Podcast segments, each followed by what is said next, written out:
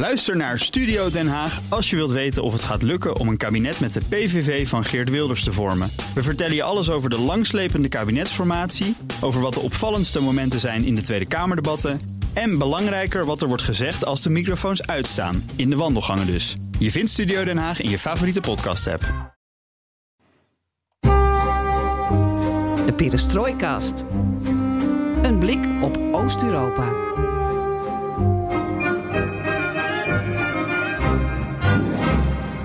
Welkom bij BNR Perestrooikast, aflevering 170 van de enige podcast van Nederland die volledig oog voor het oosten heeft en geeft. En we beginnen meteen vanuit Kiev met een teaser. У нас немає е, дня, щоб ми не розуміли, що в будь-який день це може відбутися. Het is- dat is het Oekraïens van Alexei Danilov, de belangrijkste veiligheidsadviseur van Zelensky. Geert-Jan sprak hem in zijn reeks gesprekken eh, in Kiev, waar, die, die hij ook had met burgemeester Klitschko en oud-generaal in mijnen- mijnenruimer James Kouwen. Kouwen. Kouwen. En nu dus had hij eh, Danilov voor zijn eh, gele BNR-microfoon gekregen. Die hoorden we net. Wat hadden jullie elkaar te melden? Ik, had hem, ik heb hem natuurlijk allerlei ideeën gegeven vanuit Nederlands perspectief. Eh, bij deze een open sollicitatie richting het eh, veiligheidsadviseurschap van, eh, van Oekraïne. Het gesprek ging over motivatie, het ging over Bagmoed, het ging over het eindspel in deze oorlog. Eh, hoe ziet hij dat laatste nou voor zich? Waar gaat deze oorlog uiteindelijk heen? Waar leidt dit toe? Ehm, en we hebben het natuurlijk gehad over het eh, tegenoffensief van de Oekraïne. Wat is daarvoor nou nodig? ja, dat, daar, dat, dat, dat klopt op de deur, tegenoffensief. Maar niemand weet nog niet echt wanneer en hoe en wat. Ehm, dat gesprek dat jij had met Danilov gaan we ontleden. We spreken met niemand minder dan eh, Michiel Driebergen. Ja, moeten we hem nog introduceren? Of, Dat is wel zo aardig. ja, toch wel zo. Hij heeft wel weer iets moois gemaakt. Ja, zeker. Eh, Hij is eigenlijk de Oekraïne-verslaggever van de Benelux. Misschien wel van Europa, misschien wel van de wereld. En te lezen in Trouw en op de radio bij Bureau Buitenland. En maker van de VPRO-podcast Stad en Oorlog. Kharkiv, één jaar onder vuur. En ook Michiel weet het inmiddels. Alles eh, ten oosten van de rivier de Elbe kan de komende weken, maanden, jaren besproken worden. Ah, ah ja, ik moet ook nog wat zeggen. En wat leuk is, is dat wij heel sociaal en democratisch Jij hebt zijn. deze volgorde zelf Ja, bepaald. ja, daarom ja. daarom zag ik, oh shit. En abonneer je op ons, zodat je geen aflevering hoeft te missen. BNR Perestrooikast. En zoek ons op in je favoriete podcast-app. Mijn naam is eh, Geert-Jan Haan En ik ben Floris Akkerman. en dit is BNR Perestrooikast.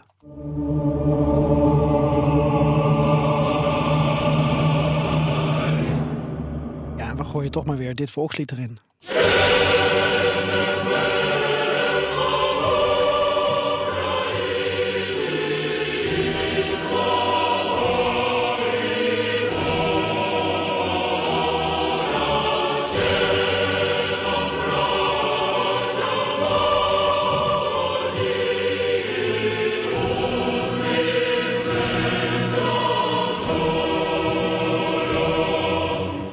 Keer denk ik, moeten we niet een nog iets, eh, iets betere kwaliteit van het volkslied opzoeken. Maar elke keer dan draaien we hem gewoon weer. En dat rauwe, dat hoort ook een beetje bij, eh, bij Oekraïne. Dat is het bij- leven momenteel. bij de situatie. Ja. Zeg, de gehaktmolen. Ja, als je dat zegt, dan zeg je ook Bagmoed. Helaas wel. Ja. Koste wat het kost, houdt Oekraïne vast aan Bakhmut. Al maanden wordt hier gevochten door de Russen, eh, heel veel mensen van Wagner. en de Oekraïners, met duizenden en nog eens duizenden doden. We denken aan beide kanten, we weten de officiële cijfers niet. En het blijft de vraag oproepen, waarom zet Kiev zo in op Bakhmut? Ja, en Zelensky, belangrijkste veiligheidsadviseur Alexei Danilov volgt de strijd van onder camouflagenetten. Ja. Waarom het zo is en hoe, dat horen we zo meteen van Geert-Jan, die hem sprak tijdens zijn trip in Kiev. En dat gesprek dat hoor je dus zo. En hij had het ook met hem over het moreel van het Oekraïnse leger, het tegenoffensief en de endgame. Ja, en eh, zoals gezegd, Oekraïne-verslaggever Michiel Drieberg is bij ons. Hij laat zijn licht er ook over schijnen. Hij was in Bakhmut, hij was in Sloviansk. Om in de Donbass daar de motivatie onder de Oekraïners te beschrijven. We gaan nu luisteren naar een fragment. Een teaser van eh, de prachtige podcast die Michiel heeft gemaakt met Edwin Koopman, Sofie Derksen en anderen. Over Kharkiv in oorlogstijd. Getiteld Stad in oorlog, Kharkiv, één jaar onder het vuur. Onder vuur. Die podcast is echt beluisteren waard. Eh, je, je, hij neemt je mee, Michiel, naar Kharkiv. En eh, je moet ook luisteren naar de muziek. Ehm, kom maar door met die trailer. Sinds de dag dat de Russen hier kwamen, ben ik een stad in oorlog bommen slaan kraters in mijn straten. Mensen vluchten of gaan naar het front. Mijn dochter zegt, mama, hoe heb je dit allemaal doorstaan? En op dit moment begrijp ik nog steeds niet waarom het gebeurt. Wat hebben we de Russen aangedaan? Zijn wij Oekraïners zo slecht? Maar hoe is het als je achterblijft? Ik zie inderdaad wat verderop een flat waar het helemaal zwart geblakerd is. Helemaal verwoest. Ik ben Garki. Stad in oorlog. Ga naar je podcast-app en luister Stad in Oorlog. Een podcast van VPRO's Bureau Buitenland voor NPO Radio 1. Keurig ook nog eh Ja, dat doe je het altijd. platform erbij. Die, die trailer van eh, Jelle Brand Portius en, eh, Netjes, hè? en Ruben Telau, die heb je wel honderd keer laten Ja, horen. netjes. Eh, Michiel, Kharkiv is eigenlijk min of meer een beetje jouw standplaats, hè? Deze oorlog. Als ik dat zo mag zeggen. Ehm, dat was al Lviv, Ja, zeker. waar, waar je hart, hart aan had verpand. Is Kharkiv nu je grote liefde geworden? En Lviv is iets uit andere tijden?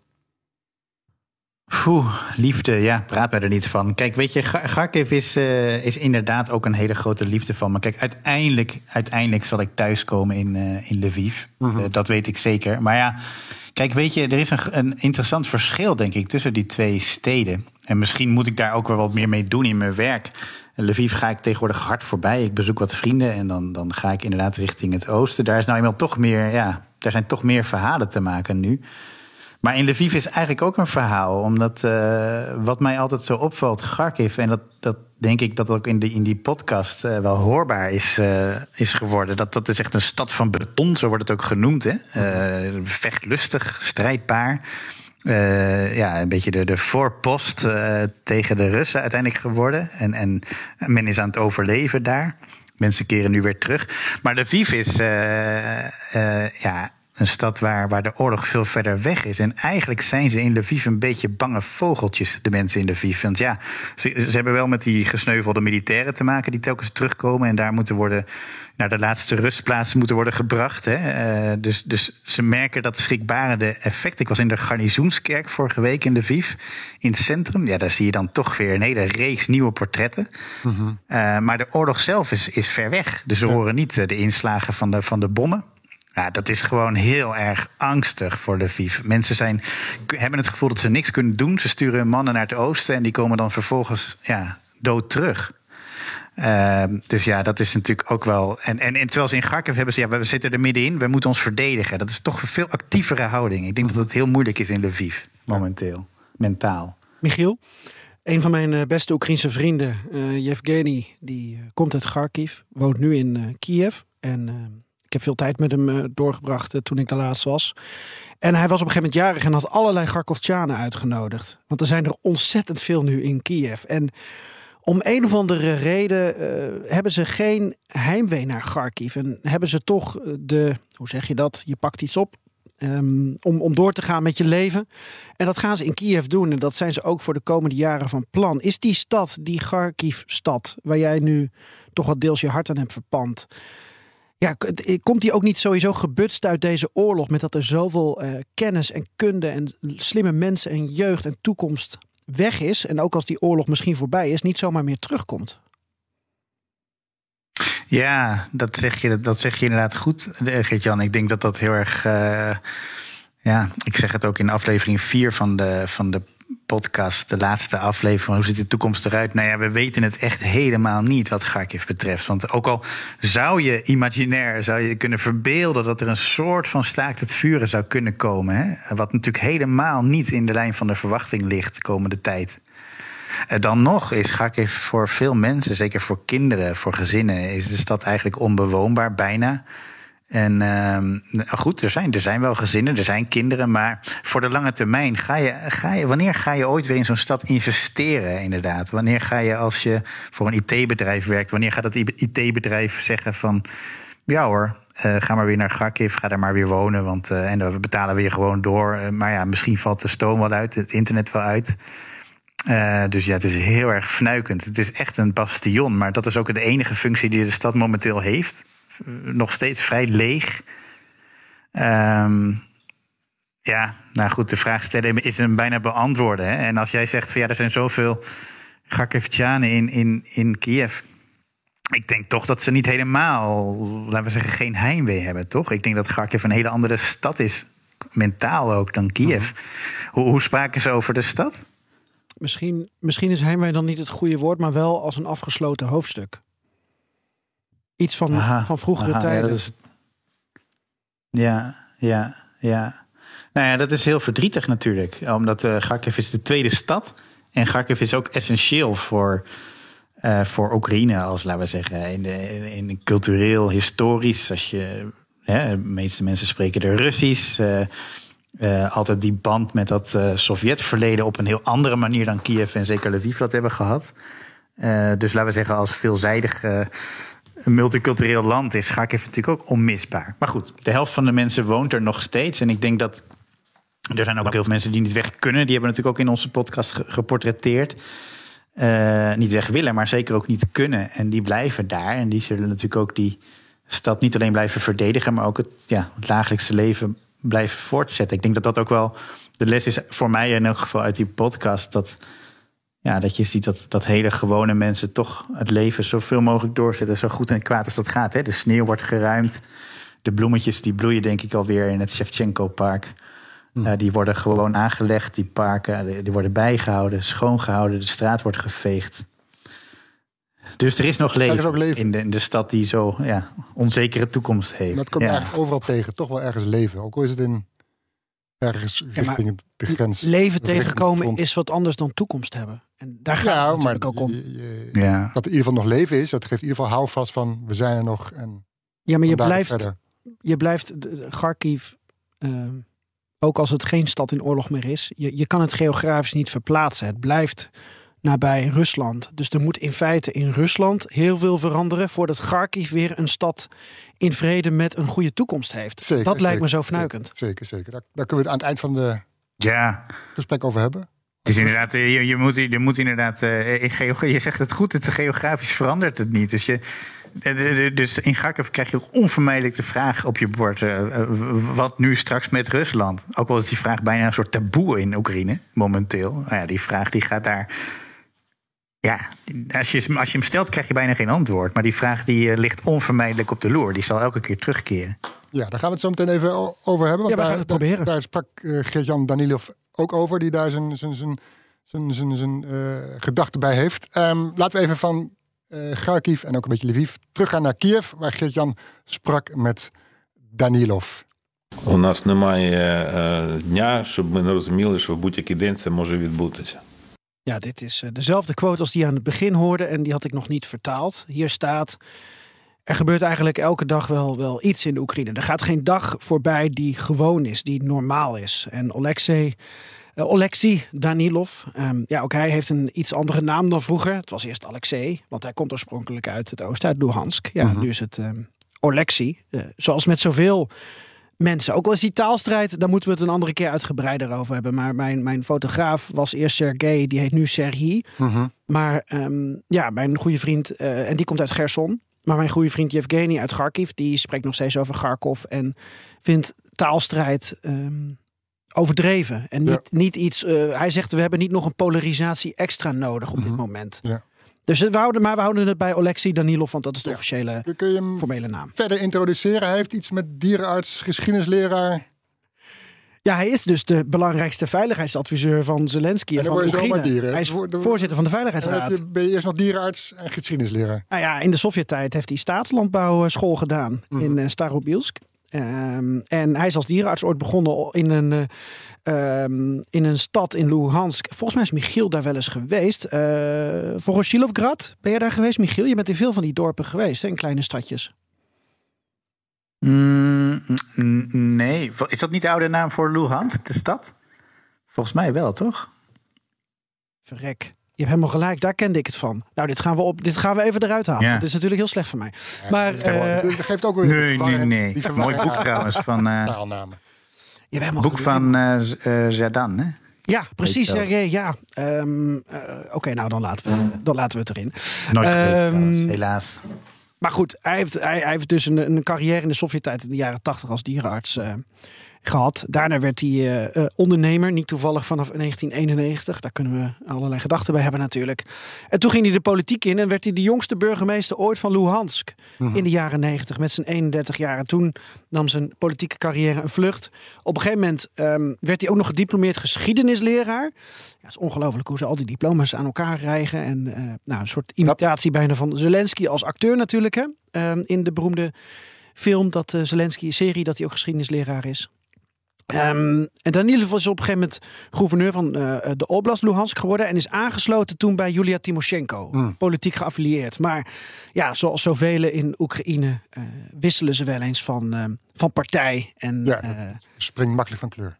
kijk, en Danilov is nu um, aan de ene kant een, een vrij neutrale uh, politicus, aan de andere kant gewoon de belangrijkste adviseur van Zelensky op veiligheidsgebied. Sinds, sinds 2019 al is hij um, de plaatsvervangend voorzitter van de Veiligheidsraad. Maar omdat Zelensky de formele voorzitter is, kun je stellen dat hij gewoon uh, mm-hmm. daar de baas uh, van is. En mensen kunnen hem misschien ook wel kennen van um, een fragment dat hij op sociale media plaatste. Dat was nadat op 8 oktober de Krimbrug een um, explosie had. Mm-hmm. En toen plaatste hij een video van de brandende rug naast een fragment van Marilyn Monroe die mm-hmm. Happy Birthday, Mr. President zingt. Als een cadeautje aan de man in het Kremlin. Hebben we dat geluid ergens? Nee. Hm, jammer. Wil je dat? Kunnen we erin monteren? Ja, dan moet ik er zo meteen extra nog eens doen. Ja, dat kan Ach, jij. Dat kan ik zeker. Voor de luisteraar. Even, je gaat aan het gesprek. Je Ja. belt hem op op zijn woordvoerster, woordvoerder. Uh, hoe meld je aan? Hoe ziet zijn werkplek eruit? Keurig in een kantoor? Uh, opgeruimd? Nou, het is niet in de buurt van het uh, overheidsdistrict. Um, dus je gaat eigenlijk naar een totaal andere wijk in de buurt van Lesja Oekrinki, was het volgens mij in Kiev. Daar heb je dus het gebouw van de, van de Veiligheidsraad. Uh, maar dan moet je eerst door een aantal uh, checkpoints uh, heen. paspoort en al die dingen laten zien. En dan is daar een, een binnenplaats en een gebouw vol met camouflagenetten. Nou, en daar moest ik in. -hmm. En dan ga je weer de veiligheid check hier, veiligheid check daar. Ja, zit je wel veilig, toch? En dan, dan zit je veilig. En dan. Uh, het is vlakbij de um, militaire uh, universiteit zit het ook. Dus echt in zo'n hoekje van de stad waar een aantal van dit soort zaken zitten. Op defensie en militair gebied gericht. Nou ja, dan is het even wachten. Sterker nog, het was 40 minuten wachten. Want hij zat nog in een uh, overleg, onder andere met Zelensky, over de veiligheid van het land. Mm -hmm. En toen had ik een, een half uurtje tijd. Ja. Michiel. Op zijn werkkamer. Uh, we gaan er zo meteen over hebben. Michiel, jij, jij Geert-Jan heeft een mooie, uh, mooie buit binnengehaald aan, aan, aan gasten, aan sprekers. Jij kiest minder vaak voor uh, hoge gasten voor je verhalen, of vergis ik me?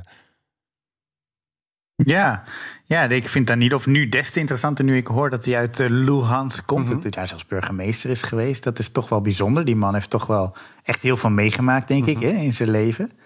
Uh, en het is ook wel een man die altijd wel iets durft te zeggen, vind ik. Ja, vind ik interessant. En uh, ja, Geert-Jan heeft natuurlijk ook Klitschko uh, Mhm. mm -hmm. ontmoet. Hoe is het met je, met je rechterhand, uh, Geert-Jan? Zit hij er nog aan? Ja, en mijn schouder. Hè? Want hij legde voor een selfie nog even zijn hand op mijn schouder. Um, nou, ik heb wel eens een schouder uit de kom gehad. Uh, ik had het gevoel dat Klitschko eigenhandig die schouder weer even zou kunnen terugzetten.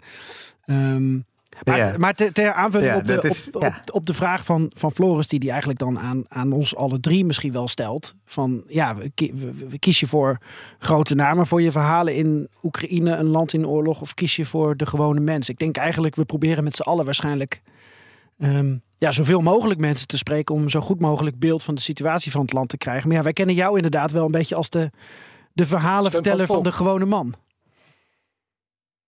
Ja, dat is denk ik een beetje toeval. Enerzijds is dat denk ik omdat ik dat wil, omdat ik dat echt wel ook wel het interessantst vind. Ik bedoel, ik was uh, onlangs, ben ik nu een verhaal over aan het typen uh, bij een boer. Ik, ik, belde gewoon de, de lokale boerenorganisatie in, in, in Kharkiv op en die verwezen me naar die boer door. Nou, die kan me wat vertellen over de, de nieuwe oogst of de nieuwe, nieuwe zaaiseizoen.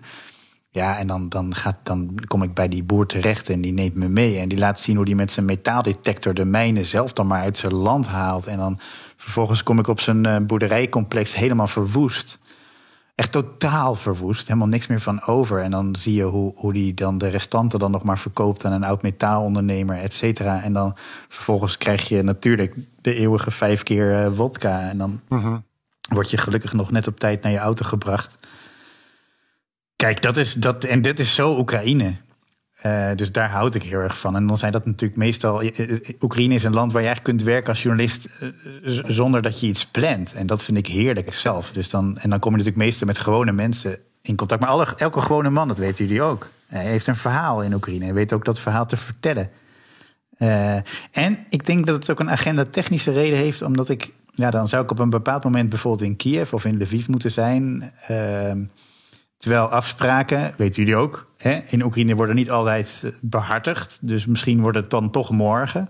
En dat is wel lastig als je verslaggever bent, omdat je dan. Uh, ja, dus ik, ik vind knap, Geert-Jan, hoe, je die, ja, hoe je die toch wel uh, hoogrankende mannen hebt gefixeerd in hun agenda. Dat is uh, Geert-Jan. En dat ze dan. Ja, dat, dat, dat moet toch iets met jouw charme. Ja, dat, dat moet daar iets mee te maken hebben. Want uh, ja, het is altijd, hè, morgen kan toch ook. Of mm -hmm. gisteren was het eigenlijk beter. Of, Zeker nu. Dat is ook van de reden dat ik. Dat, ja, dan leg je je vast. En Oekraïne is een groot land. Dus, maar goed, ik houd heel erg van het, verhaal van de gewone mensen. En ik denk dat het zeker in deze grote oorlog. waarin zoveel journalistiek wordt bedreven in dat land. Uh, denk ik dat, uh, dat ik, ik vind het zelf het belangrijkste om, om mensen te horen die eigenlijk, ja, die, die ik of jullie hadden kunnen zijn, of de buurman of, uh, of je tante.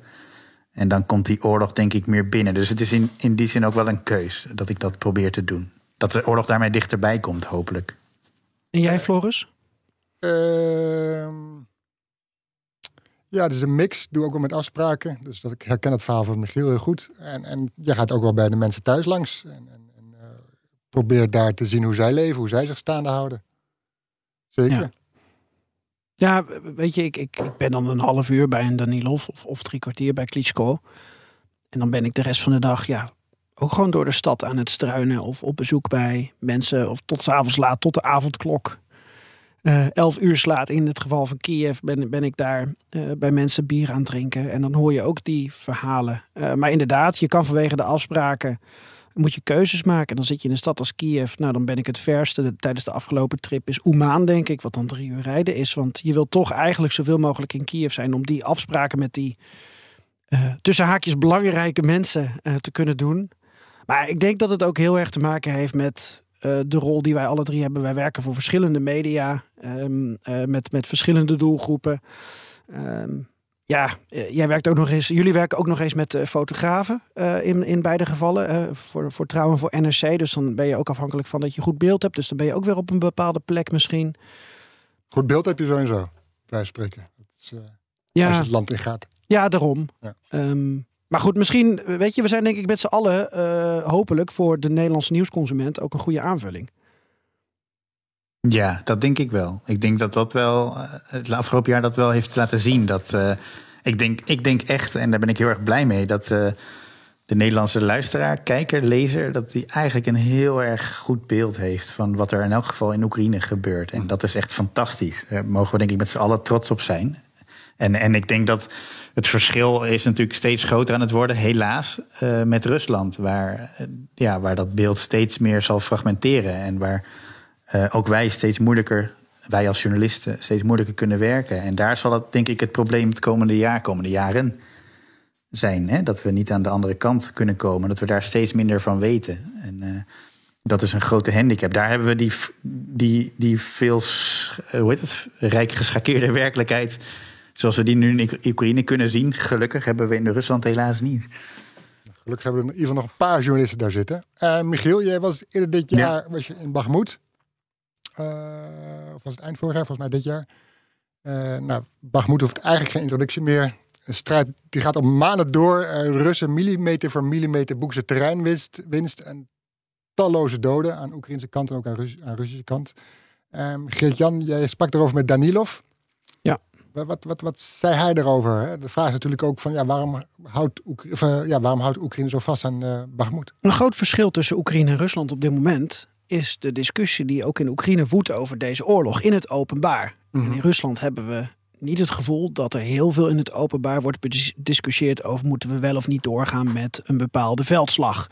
Dat gebeurt dan eventueel op Telegram met een aantal van die mailbloggers die dan uh, de, de, totale oorlog in gedachten hebben. Nou, in geval van Oekraïne, ook bij vrienden thuis, iedereen heeft het over Bakhmut en uiteindelijk ook Afdivka en andere plekken en voelen daar wel of niet daar de strijd aangaan. Um, waar accepteer je dat een stad in Russische handen valt en kies je voor een betere positie? Iedereen heeft daar een mening over. Er zijn 40 miljoen generaals Zaluzhny wat dat betreft.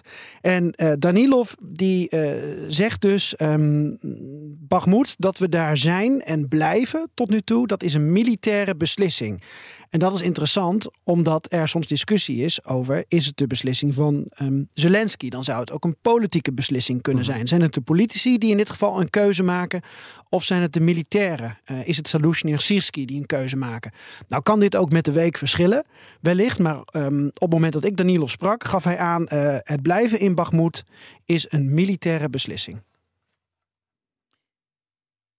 Moet ik nou iets laten horen? Ja, het leek net alsof je dat ging doen. Nee, nee. Maar, gaf je ook aan waarom uh, ze zo vasthouden aan Bakhmut? Nou, omdat uh, Danilov aangeeft uh, dat ze in ieder geval honderden, en zo noemt hij dat, kakkerlakken per dag daar doden. Dus hij zegt, ja, het is gewoon heel waardevol omdat we heel veel Russen daar vernietigen. Nou weet ik niet of dat het argument is hoor. Want um, wat hij niet tegen mij zou zeggen is, ja, als wij Bakhmut laten vallen, dan is het volgende punt waar de Russen zouden komen, is bijvoorbeeld Chassiv Yar. Dan zit je in de heuvels. De Russen zijn tot nu toe best wel goed in de heuvelgevechten. Mhm. En als ze eenmaal die posities daar in de heuvels kunnen bemachtigen, ja, dan um, ga je, heb je goed overzicht over de rest van de Donbass. Ja. Dus de vraag is ook, hè, kun je Bakhmut weer terugkrijgen als je het Zeker. laat vallen? En dat soort dingen, dat zegt Danilov dan niet tegen mij. Dus daar moet je een beetje doorheen kijken. Ja, we weten natuurlijk ook niet wat, wat, er, wat er verder... Je krijgt maar een deel van die strijd om Bakhmut te horen en te zien. Maar wat er verder nog speelt omheen en hoe de verdedigingslinie om Bakhmut en verder uh, uh, richting Kramator, Slavjansk en die heuvels. Nou, dat zijn allemaal forten. Hè? Het zijn allemaal forten. Tuurlijk, Alleen tuurlijk, de, maar- de Russen weten met die heuvelgevechten nog wel redelijk stand te houden af en toe. Kijk, en dat Danilov zegt het is een militaire beslissing. Uh, Danilov schaar ik in dit geval onder de politiek, onder de politici. En ik bespeurde wel in zijn antwoorden af en toe enige twijfel over, nou ja, is het wel de juiste beslissing dat we daar zijn? Want hij zei ook de hele tijd, we monitoren de situatie dagelijks. En hij gaf dus ook niet heel veel meer argumenten dan, we vernietigen gewoon heel veel Russen daar per dag. Ja, ja maar tegelijkertijd weet je ook niet hoe, hoe het leger natuurlijk ervoor staat. Uh, Vermoeidheid uh, speelt ook een rol. Michiel, waarom denk jij dat Oekraïne zo vasthoudt aan Bakhmut? Ja, goede vraag. Uh, ik, ik, ik, had ook eerst, eerst nog even een vraag aan jou, Floris. Want die tanks, daar heb jij heel erg ingedoken. Hè? Heb jij ook die mannen horen zeggen van nou, als die tanks komen... en dat lijkt er nu op, hè, dat die nu arriveren. Ik zag er zelf een treintje binnenkomen, overigens, uh, afgelopen week. In Oekraïne, hele nieuwe tanks. En ik heb geen verstand van tanks. Jij volgens mij meer. Maar denk, denk, zou je die tanks bij je inmiddels. Nou, kijk, kijk daarom. Dus denk jij dan dat die, dat die tanks iets zouden helpen bij Bakhmut? Of is dat een ander soort slagveld? Uh, dat is wel een ander soort slagveld. Ik heb het niet over gehad met die jongens per se bij Bakhmut. Meer uh, bij, waar zij zaten. Uh, dus, dat weet ik, ja. Meer in het zuiden. Ja, ja. meer in het zuiden. Uh, dus daar de situatie. En daar verwachten ze wel in dat die tanks daar een verschil kunnen maken. Wat overigens niet wil zeggen meteen dat het een wat je ook wel zag, dat het meteen een game changer zal worden. Er zijn ook flink wat tanks bij Bakhmut. En uh, wat er nu vanuit het westen wordt geleverd, daar kun je maar een paar bataljons van maken. Dus die moet je ook wel heel specifiek gaan inzetten. Ja, dat ook. Ja. Uh, kijk, ze hebben, ze hebben op dit moment, zeg maar in de, in de Oekraïnse situatie, zonder die beste tanks, hebben ze ook niet zoveel tanks dat ze zomaar kunnen zeggen van we zetten ze overal neer. En dat, dat legde die legerwoordvoerder ook aan, aan mij uit. We moeten gewoon kijken waar we die tanks moeten plaatsen. Want eh, we proberen ze dan zo, zo makkelijk mogelijk te verplaatsen als het nodig is. En waar, waar we ze nodig hebben. Dus ja, Oekraïne heeft wat dat betreft niet zoveel keuze om te zeggen... nou, we gaan nu allemaal tanks uh, neerzetten bij Bakhmut. Waardoor ze in het zuiden misschien weer zwakker worden. Dus ze moeten die tanks moeten ze gewoon heel effectief, zo effectief mogelijk uh, neerzetten. Maar ze verwachten wel, die jongens, uh, ja, ja. Dat, dat ze met die tanks wel een groot verschil kunnen maken. Omdat die westerse tanks zoveel voordelen hebben ten opzichte van die oude Sovjet-tanks... waar de, waar de Oekraïners gebruik van maken. Dat eigenlijk de Russen daar... Uh, geen enkele antwoord op hebben.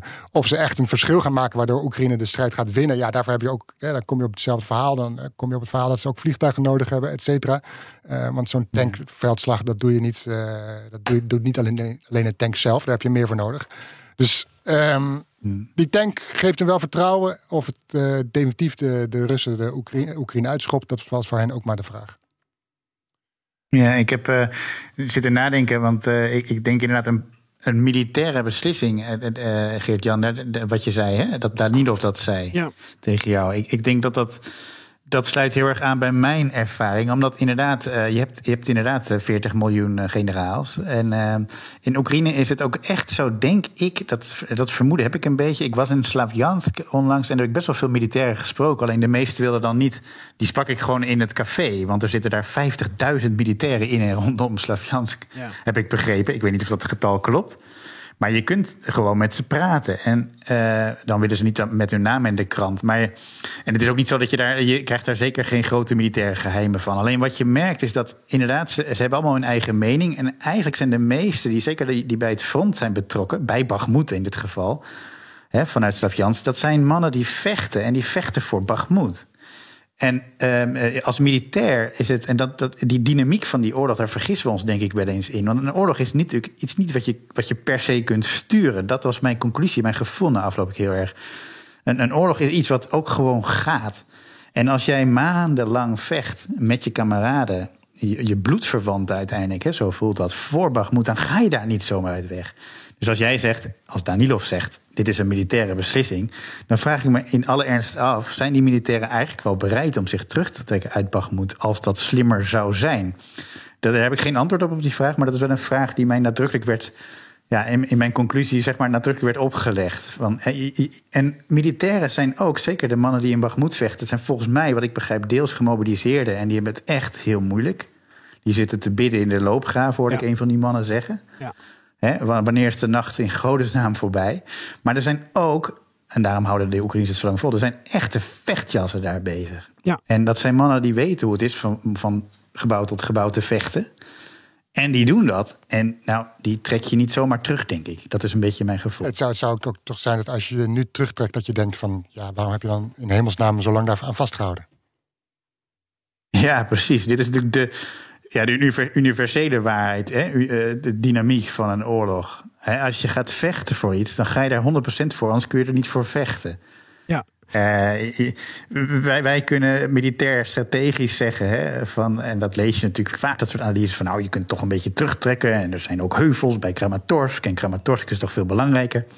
Kijk, dit soort waarheden zijn vanuit een helikoptervisie prachtig te geven. En die zijn misschien nog wel waar ook. Maar ja, in de, met de realiteit heeft het natuurlijk niet zoveel van doen. Nee, want als je na een, eh, na een rotatie van een eenheid die het vier maanden heeft volgehouden, een eenheid krijgt die minder uit vechtjassen bestaat en meer uit mensen die totaal menselijk ook um, hartstikke bang zijn, ja, dan kan er alsnog een gat in je verdediging uh, vallen. En zo menselijk is een oorlog natuurlijk ook.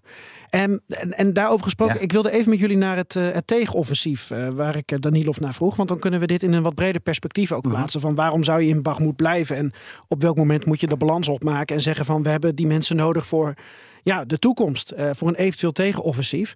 Um, ik laat je een stukje van Danilov horen en dan praat ik uh, over zijn antwoord heen voor de, voor de vertaling.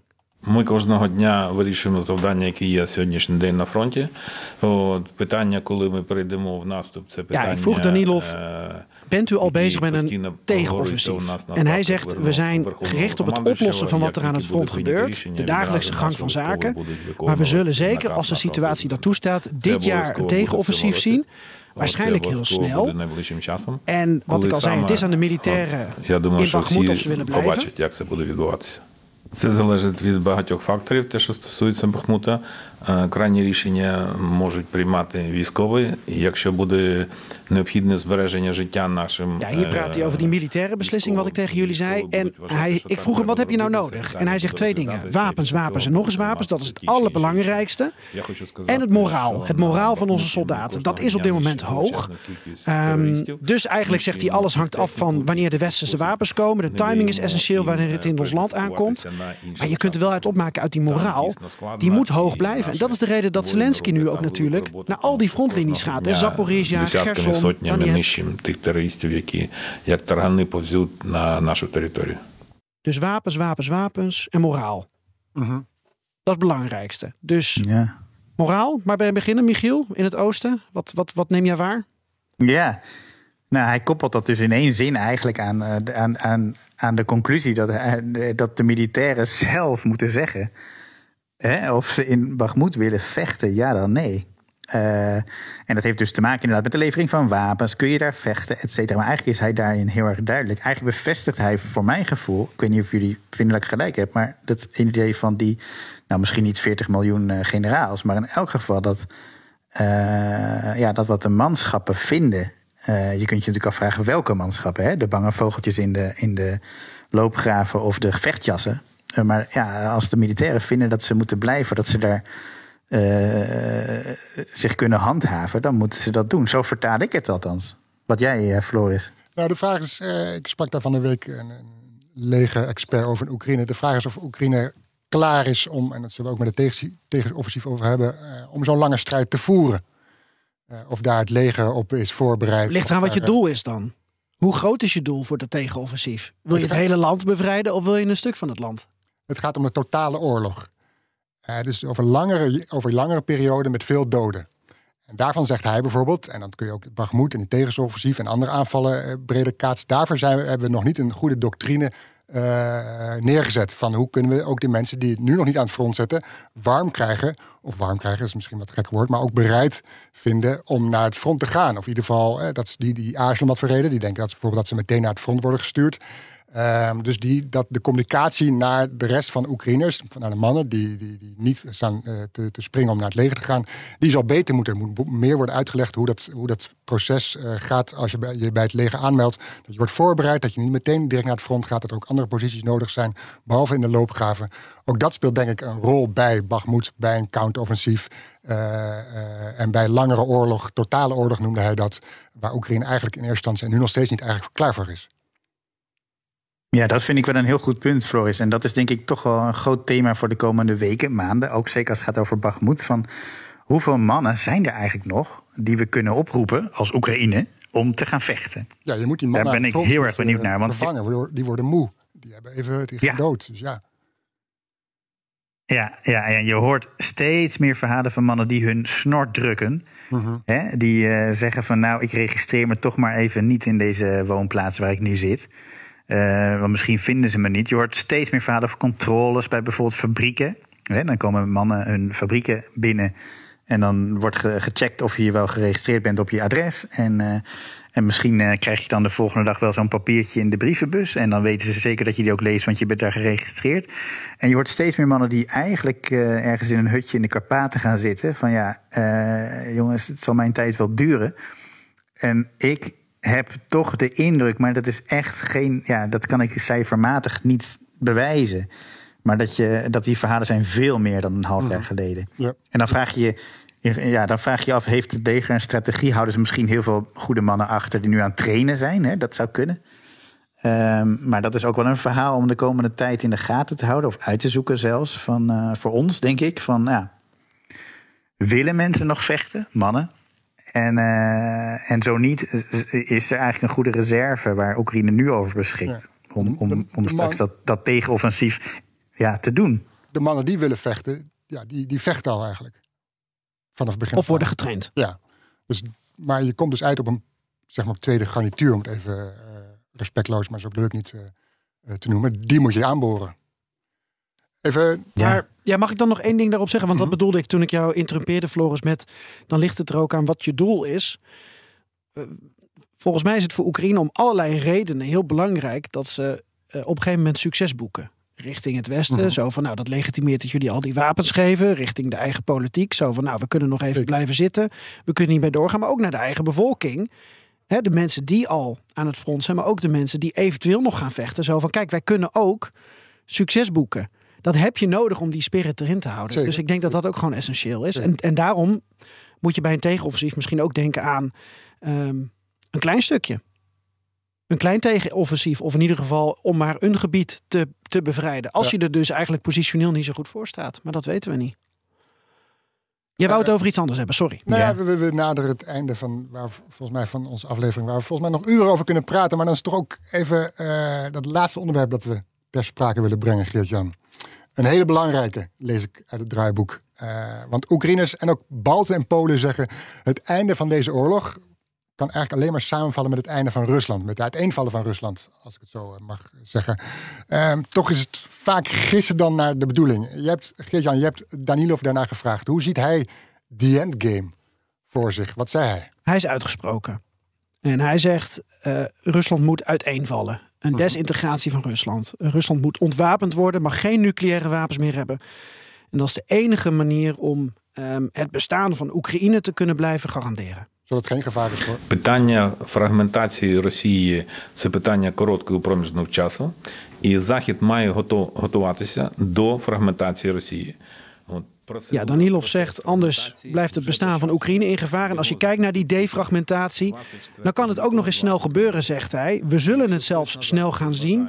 Uh, Poetin is hier zelf op 24 februari mee begonnen. En Europa moet zich erop voorbereiden op het uiteenvallen van Rusland. Het is een stipje op de horizon, maar het kan snel gebeuren. Sneller dan we misschien verwachten, omdat dat ook nou eenmaal met de Sovjet-Unie... Sorry meneer Danilov. Omdat het nou eenmaal ook met de Sovjet-Unie het geval was. Ineens viel het uiteen. En dan moet je erop voorbereid zijn. Dan moet je met heel veel issues dealen. Dus hij wil het om die reden onder de aandacht brengen. Ja, een, een, een Rusland dat niet meer bestaat of uiteengevallen is, is ook geen gevaar meer voor de buurlanden. Zo zou je het kunnen zeggen dan. Ja, daarom zijn er andere landen in, in Oost-Europa en Centraal-Europa die er ook zo in staan. En ja, uh, ik vroeg hem, wilt u Rusland dan vernietigen? -hmm. Toen zei hij, ja, dat, dat, dat is door Rusland zelf in gang gezet. Poetin is de initiatiefnemer daarvan. Ja, en een Rusland zonder wapens. Dan zegt hij, ik ben überhaupt tegen nucleaire wapens. Ja, dat is dan lekker makkelijk. Maar hij zegt, het zou gewoon moeten verdwijnen van de wereld. Um, en je kunt de wereld ermee gijzelen. Daar heeft hij dan wel gelijk in.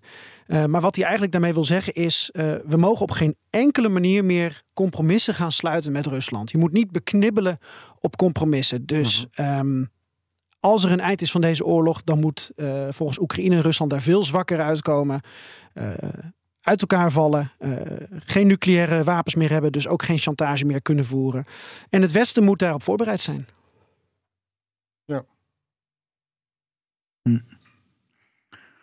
Ja, Michiel.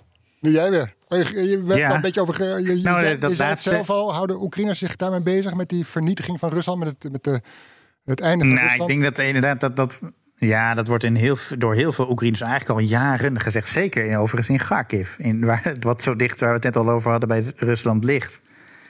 Van, eh, eigenlijk zeiden ze in Kharkiv zelfs andersom. Hè? Van, nou, wij, moeten ons, wij moeten ons ontwikkelen. Wij moeten gaan handelen met anderen. Niet alleen met EU, maar ook met China en met Brazilië, et cetera. Vanuit Kharkiv. Want Rusland gaat op een gegeven moment ineenstorten. Wij moeten weg. Wij moeten maken dat we progressie boeken eigenlijk. Dat, dat was een beetje het gevoel. En nu is dat natuurlijk heel erg... Ja, dat hoor je veel in Oekraïne. Rusland moet uiteenvallen. En ik ben zo stil omdat ik ook denk... Ja, twee redenen van... eh, gebeurt dat echt? Ooit? Ik weet het niet. En het tweede is van ja, het Westen. Zou, zou het Westen inderdaad hier een strategie op hebben? Hè? Eh, dat is natuurlijk voor een volgende podcast wellicht. Maar eh, heeft het Westen eigenlijk een strategie op de, de eventuele ineenstorting, mocht dat ooit komen, van Rusland? Eh, en, en gaat dat dan niet met veel meer gruwelijkheden gepaard? Dat is natuurlijk ook de angst die veel Oekraïners hebben dan de ineenstorting van de Sovjet-Unie toen. Volgens mij ligt het wel op tafel vragen. dit sprak jaar. Rutte, Rutte toch een keer over? Vroeg je dat? Ja, toen werd Rutte heel boos op mij, omdat ik hem ernaar vroeg. Toen zei hij van, je weet niet wat je ervoor terugkrijgt. En dat is natuurlijk aan de ene kant ook wel zo. Aan de andere kant, in Ja. Oekraïne hebben ze al de hel op aarde. Dus ja, dan blijf je ermee bezig. Ehm, en je, weet, ja, je kan speculeren over iets wat je wel of niet in de toekomst hebt. Maar ik weet dat eh, de Europese Unie eh, probeert dit jaar een soort Rusland strategie op Europees niveau te presenteren. En ik mag aannemen dat ze in ieder geval achter de schermen hier aandacht voor hebben. zou zeggen, als, als wij het over hebben, dan zouden zij het er ook over moeten Ja, maar hebben. of dat dan in een document komt, want dan neem je als Europa een Ja. standpunt in. En dat is natuurlijk geopolitiek weer volgens andere analisten gevaarlijk. Alsof je uit zou zijn op de omverwerping van Poetin. Maar er is wel ook ruimte voor nuance in Oekraïne, heb ik gemerkt. Ehm, er waren wel mensen die ik sprak, en, en wat ik heb geprobeerd hierover te praten. En ehm, bijvoorbeeld Yevgeny, die vriend van mij uit Kharkiv, die zegt dan: Ja, de Krim. ehm, wat als we de Krim weer terugkrijgen? Wat doen we met al die, al die Russen daar op de Krim? Gaan we die deporteren, zoals Stalin heeft gedaan? Ja, dan, dan zijn we ook weer niet de good guys. Dus hoe ga je met zulke zeer complexe situaties om? Het is heel interessant om over na te denken, maar ik had ook geen antwoord voor hem. Jullie wel? Nee, inderdaad. Zeker als je ziet hoe, eh, hoe men nu in Oekraïne met eh, bijvoorbeeld zogeheten collaboranten omgaat. Eh, ik, ik had een aantal weken geleden een interview met een vrouw in, in Trouw, eh, in Izium, die eh, korte tijd, eigenlijk maar tien dagen, als directeur van een school namens de Russen had gefunctioneerd. Omdat ze ook niet anders kon. Ze moest nu eenmaal na een half jaar geen geld hebben verdiend, moest ze toch iets. Ze kon toch nooit meer weg. De Russen zouden toch altijd blijven. Nou, vervolgens kwamen de Oekraïners natuurlijk terug. En nu Dat is de update. zit ze in de gevangenis. ik kan er al een dag of 15 niet bereiken.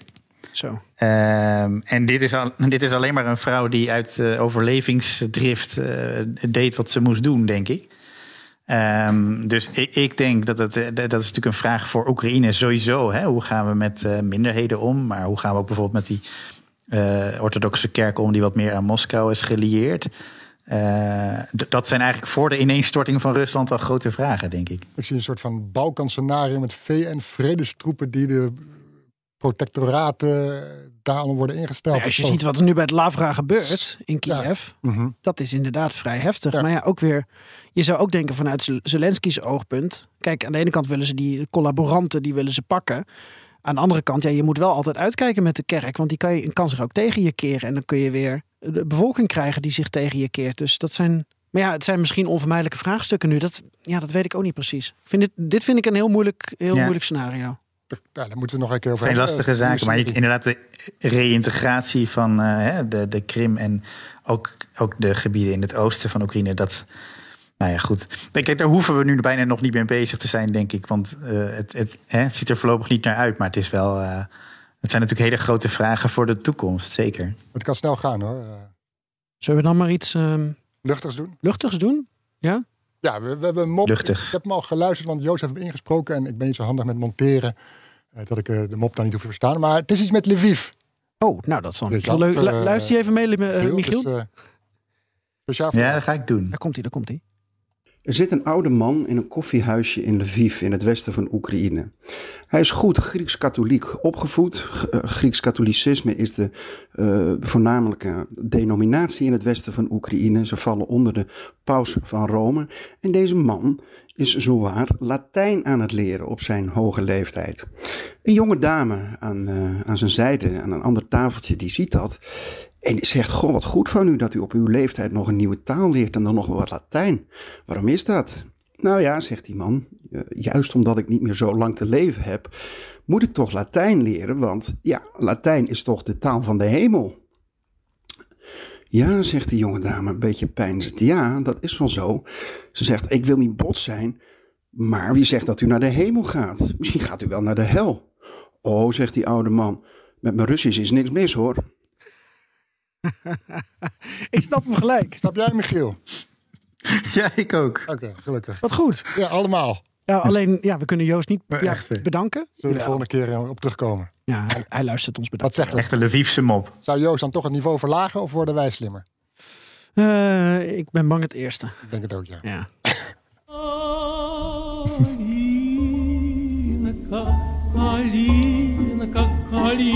малинка моя, в саду ягода, малинка, малинка моя.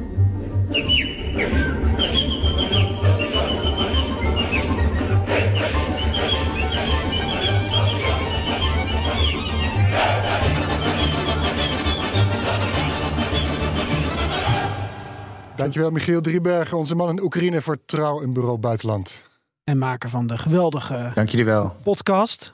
Zullen we nog één keer de titel uh, noemen? Voor, uh, voor, voor Bureau Buitenland, hè? Voor VPRO. Ja. Um, hoe heet hij ook alweer?